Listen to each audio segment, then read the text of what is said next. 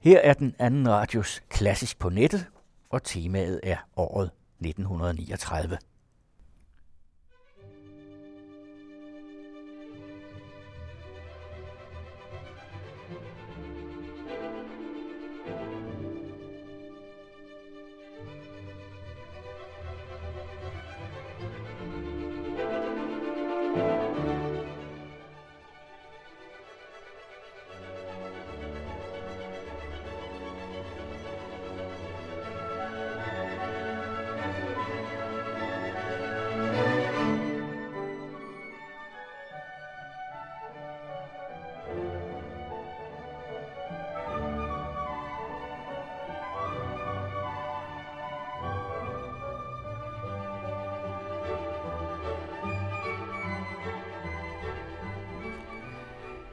1939 er et af de mest bemærkelsesværdige år i 1900-tallet.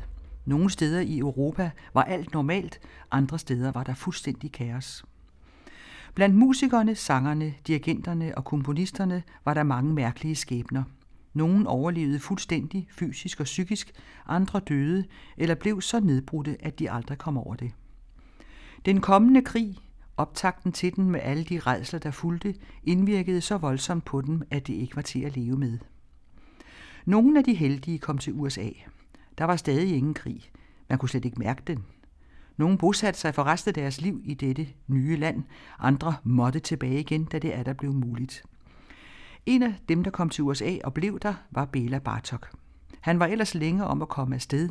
Hans hjerte hang ved Ungarn, ved Europa, men han var ikke velset, kunne ikke rigtig få lov til at være i fred, og da så hans mor døde i 1939, var det sidste bånd brudt, og han kom endelig afsted. Det sidste stykke musik, han komponerede på europæisk jord, var hans strygekvartet nummer 6. Den er helt igennem tragisk. Der er intet lyspunkt. Det var en totalt deprimeret Bartok, der fuldførte den i 1939, hvorefter han tog den med til USA, hvor den blev uafført.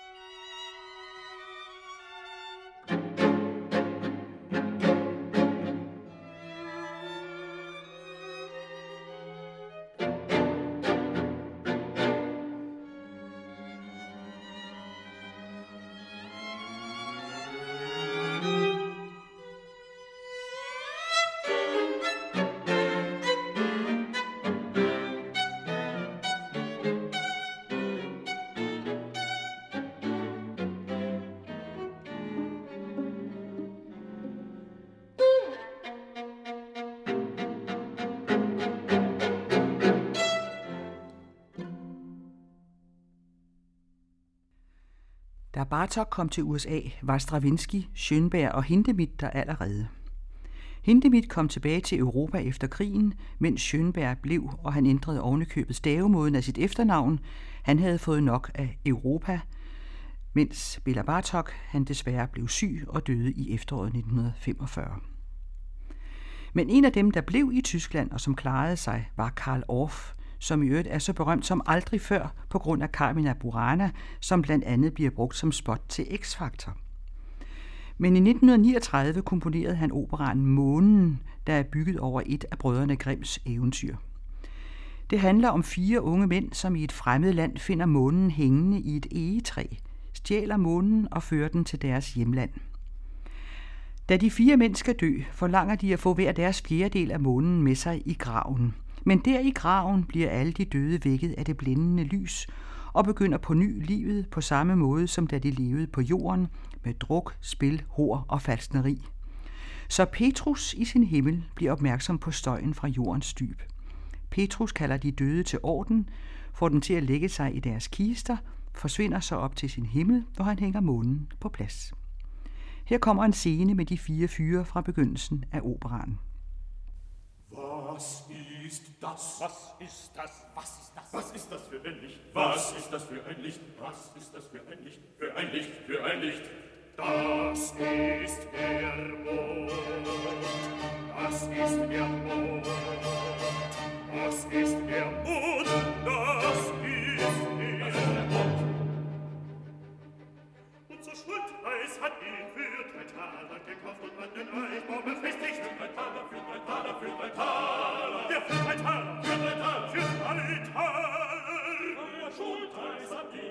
drei Taler gekauft und an dem Eimer befestigt. Für drei Taler, für drei Taler, für drei Taler.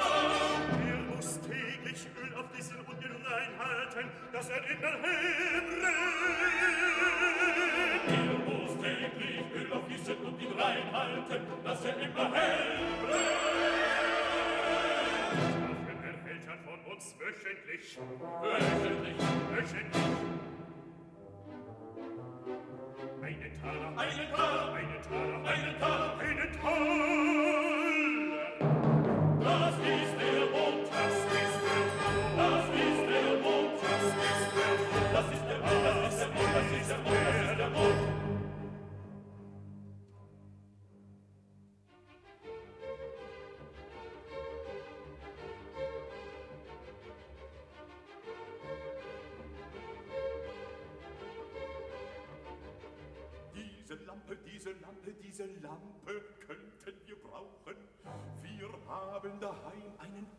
Eichbaum, der ebenso groß ist. Daran könnten, daran könnten, daran könnten wir sie hängen. Wir sie hängen. Was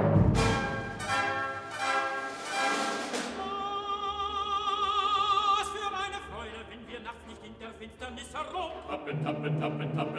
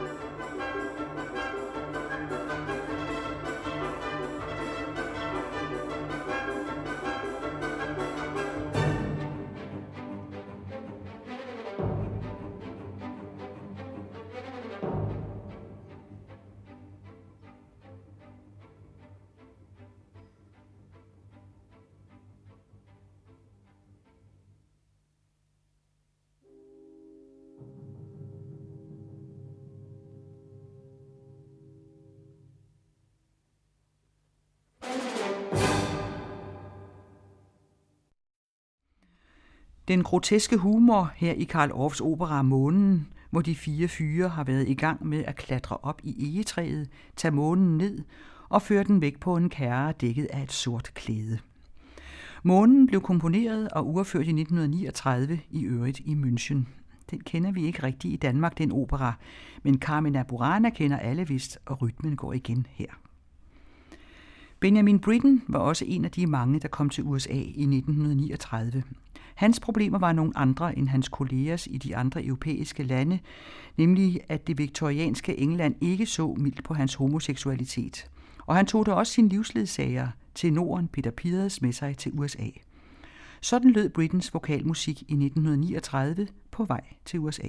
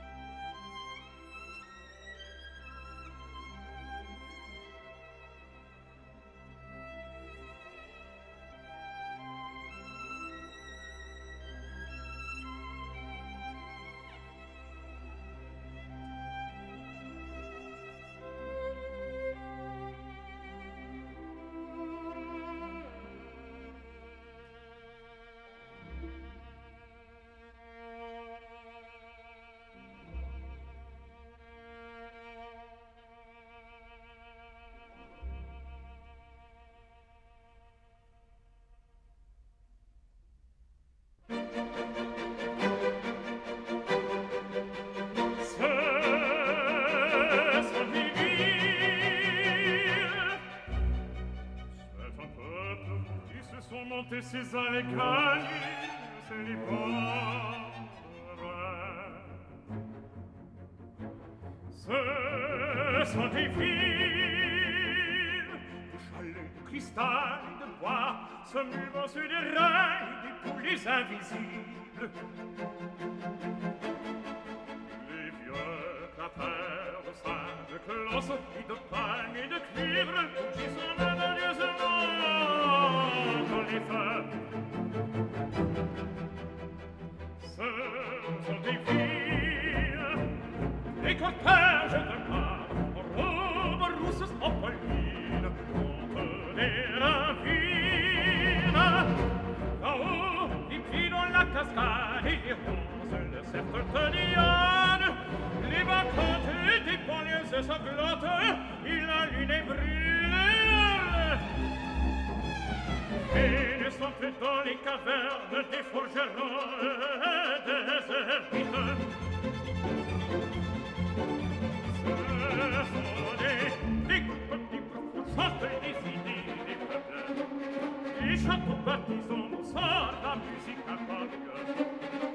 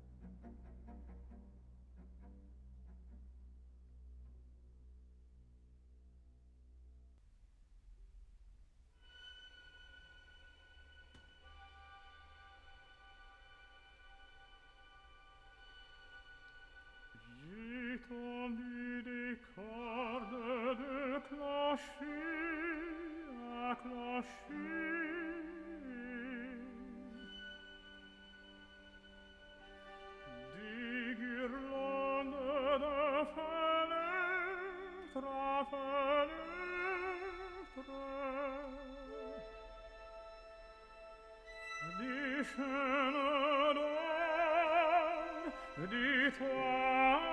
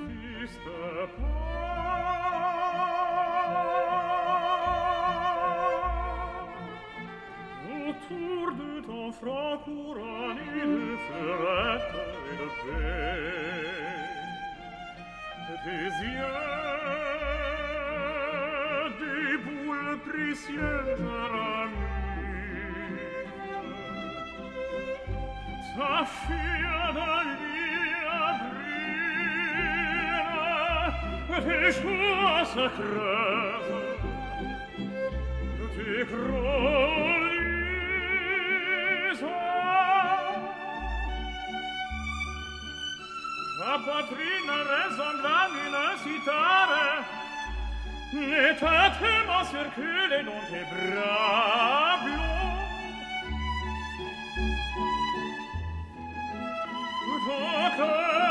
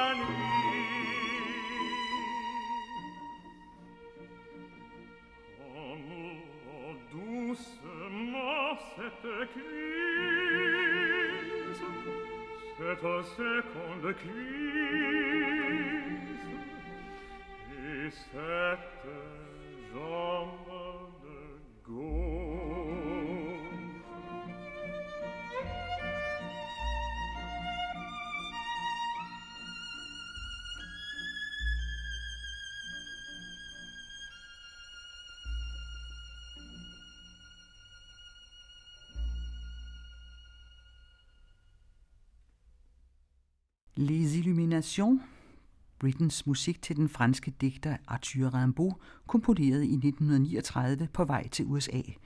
Men Britten trivedes ikke i USA og tog tilbage til England i 1942.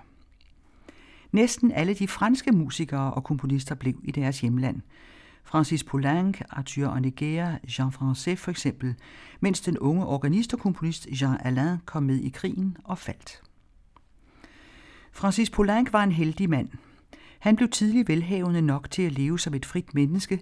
Han havde hus på landet og lejlighed i Paris, og han gav koncerter og komponerede musik efter eget behov, uden at være pisket til at tjene ekstra penge. Og i årene 1937-40 komponerede han 21 værker. Mest sange i et blomstrende samarbejde med den berømte sanger Pierre Bernac. Men også Poulenc mærkede krigen med dens knugende greb over for den menneskelige frihed. Digteren Paul Éluard skrev glødende patriotiske digte, som ikke kunne blive udgivet, men som blev omdelt af undergrundsbevægelsen, og Poulenc fik fat i en samling af digtene skrevet i kode og usigneret. Han komponerede musik til de digte på seks uger i sommeren 1943, og resultatet blev kantaten Figur Ymenden, som blev smuglet til London og urført der af BBC Singers. Det var altså under 2. verdenskrig, men i årene op til den komponerede Poulenc som sagt mange værker, og et af de mest spændende er den temmelig usædvanlige koncert for orgel, stryger og pauker, som fik sin urførelse i Salle Gaveau i Paris den 21. juni 1939.